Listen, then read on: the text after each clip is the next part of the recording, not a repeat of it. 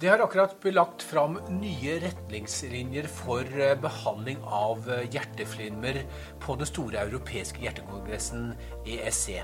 140 000 nordmenn er diagnostisert med hjerteflimmer, og kanskje så mange som 50 000 er udiagnostisert.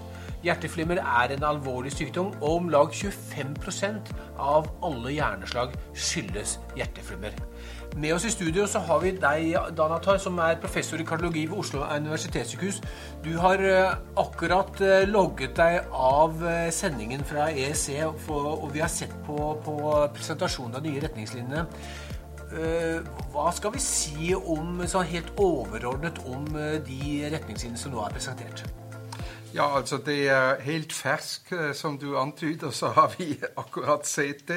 Eh, det er jo en fornøyelse å se en ny guideline etter fire år. Vi har mm. ventet fire år. 2016 mm. var altså den siste. Og denne her er en fersk og, frisk tilnærming til atrieflimmeremnet, syns jeg. Uh, samtidig som det er veldig mye som er faktisk bevart mm. og opprettholdt fra de anbefalingene som vi hadde i den tidligere guideline. Mm. Jeg, jeg, vil, jeg, vil, si som overordnet prinsipp dette stadfester at det er ingen revolusjon, det er en evolusjon hvordan vi forstår og, og, og beveger oss til eh, denne flimmerproblematikk. De, de, har jo gjort en liten smart, det pedagogisk øvelse her. De har uh, de beskriver nå disse behandlingssettene med ABC, som de kaller Atrieflimmer Better Care, ABC altså, eh, som så da skal legge rammene for en helhetlig behandling av pasientene. Skal vi bare gå gjennom A, B og C sammen, eh, Dan? Også, så la oss ta aller først A. Det står for antikoagulasjon, avoid stroke. Eh, hva, hva, er det de tenker på her? Ja, så, så det, det, likte jeg veldig godt at det er sånn en tilnærming som er strukturert på en litt annen måte, mm. liksom karakterisert på en annen måte. og mye av det er som sagt veldig lik sist. Og, mm. og nettopp den her A, anticoagulation og avoid stroke, den er faktisk veldig, veldig tatt over fra den 2016-guideline, mm. hvor man har de eh, Chads vask-bedømmelser i bunn. Det har ikke endret seg i det hele tatt. Også kriteriene når eh, male og female enten skal overveie å bli antikoagulert eller ha en absolutt indikasjon for antikoagulasjon i denne stroke prevention-indikasjonen. Så mm. det, det, har de, det, har de, holdt fast i, og det tror jeg er veldig viktig. Men igjen, som ABC, så, så, er, det, så er, det, veldig lett å huske at dette er starting point, liksom. Ja det å forhindre slag Og her sier du jo, det er vel heller ikke nytt, at uh, NOAC-ene det bør være førstevalget i uh, behandlingen. Og det er vel det det er i Norge allerede? Det er det, og det er det også worldwide. Og du mm. kan si at det var en, en uh, liten revolusjon når det ble anbefalt den gang mm. i, i, i, den update som, som kom før 2016-guideline, men, men nå er det virkelig implementert og, og vedtatt. Mm. At NOAC er første, første valg. Det var A, anticoagulation, avoid stroke. Så tar vi B, som står for better symptom management, eller bedre symptombehandling. Og, og der eh, eh trekker de også inn både eh, selvfølgelig medisiner, men også eh, ablasjonsbehandling. Eh, hva tenker du der? Ja, altså hvis man har fokus på bedre symptomkontroll, mm. så kan det omfatte veldig mange ting. Men først og fremst så har jeg lagt merke til at den rytmekontrollstrategien som man kan ha hos flimmerpasientene, den er styrket i denne guideline. F.eks. hvis en pasient har AT-flimmer sammen med hjertesvikt, så har en anbefaling for en ablasjon fått en sterkere, klasse, sterkere anbefaling enn vi hadde det sist. Så mm. det, det er én ting.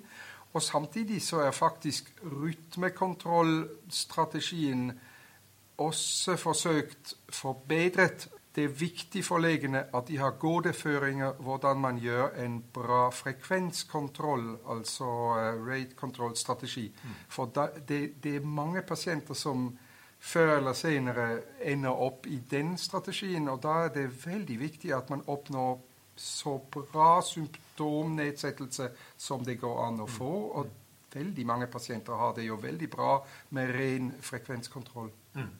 Uh, Pasienter som, som får hjerteflimmer, de starter jo da eh, typisk da med, med, legemiddelbehandling, og der man ikke klarer å kontrollere rytmen god nok, eller at det er for store bivirkninger, kanskje i form av blødninger, så går man over på, på eh, ablasjonsbehandling, hvor, altså, altså, hvor man hvor, som er en operasjon, en, en, hvor man går inn i lysken, og, og så brenner man av uh, noen blodårer i, i, i, hjertet. Hvor mange mennesker er det som er relevante for, for ablasjonsbehandling årlig, Danatar? Det er veldig vanskelig å si, men, men det er fortsatt en, en, minoritet av hele den store uh, flimmerpopulasjonen. Bl.a. fordi det er så mange komorbiditeter som er involvert. Men, men her kommer vi, og du nevner et veldig viktig poeng, og det er pasientene er med til å beslutte om man velger den ene eller den andre strategien. Og det er enda mer styrket i dagens guideline at, at det er en involvering av pasientene på alle nivåer når det gjelder eh, eh beslutning hvordan man griper det an rent terapeutisk. Mm. Det, det, likte jeg veldig godt. Og det er, det er også eh, eh tidens utvikling som eh, kanskje den siste, den forrige guideline har lagt eh, ut eh, og har fått litt eh, juling for det. Og nå, nå, er det det som er det riktige. Pasientene skal faktisk eh, ta sine egne beslutninger med selvfølgelig god informasjon som bakteppe. Mm. Så, så, var det C, og det står for kardiovaskulær og komorbiditet optimering. Altså, det ble jo sagt under presentasjonen her at Eh, hjerteflimmer kommer nesten aldri alene. Det er eh, flere hjertesykdommer involvert. Hva, hvordan, hva skal vi si om, eh, om, den siste bokstaven C? Altså? Veldig viktig poeng. altså ABC. Og da kommer vi som du sier, til de komorbiditeter. Og det er veldig fokus nå på lifestyle. Mm. Ikke sant? Mye med risikofaktorene. Hva har ført til at uh, flimmer kanskje blir manifestert i en pasient eh, tidligere eller hyppigere med flere gjennombrudd. Alt dette er modifiserbare ting. Og uh, Isabel van Gelder har vært den, uh, den, lege som har frontet dette i mange år med viktige studier, som f.eks. Uh, RACE-studien. Og, og, og, det viser seg at man kan få en klar forbedring uh, for pasientene rent symptomatisk, rent med tanke på det vi kaller atrial fib burden, at de har mindre gjennombrudd av flimmer hvis man modifiserer alle ting som hypertensjon, eh, overvekt, eh, eh, kanskje hjertesvikt, eh, kanskje koronarsykdom òg. Og, og de, de, den, den, fokusen er superbra. Mm. Ja. Du, du, jobber jo med slike pasienter daglig. og vi, vi ser jo fra studier at uh, altså færre røyker jo heldigvis i, i, Norge, så det er jo en positiv ting. Uh, men flere uh, har utviklet fedme, og, og, og, vi ser jo av studier at ca. 1 million nordmenn har fedme. Hva betyr det for, generelt for hjerteflimmer, og, eller spesielt for hjerteflimmer, og generelt for hjerte-kar-problematikken som du sitter rett oppi hver dag i klinikken, Dan? Det er klart at, at når, vi, når vi tenker risikofaktorer og hjerte-karsykdom, så tenker vi aterosklerose, utvikling av infarkt og, og, alle de problemer. Men i, i, virkeligheten så har det også en innflytelse på atrieflimmer. Og, og, det, og det, det, det, må vi huske når vi f.eks. tenker på fysisk aktivitet. Altså vi snakker lifestyle. Det har vist seg at fysisk aktivitet er med til å dempe anfallshyppighet i paroxysmal atrieflimmer og, og, alle disse ting. Mm. Så det er klart det henger sammen også med, med tanke på livsstil og, og flimmer. Mm. Litt senere ut, ut, i eh, programmet, jeg tror det er på mandag, så kommer det jo også egne retningslinjer for eh, aktivitet og trening og hjerteflimmer. Så det blir jo veldig spennende å se. Eh, tusen hjertelig takk for at du ville være med og på sparket vil jeg si, eh, summere opp de nye retningslinjene for eh, hjerteflimmerbehandling.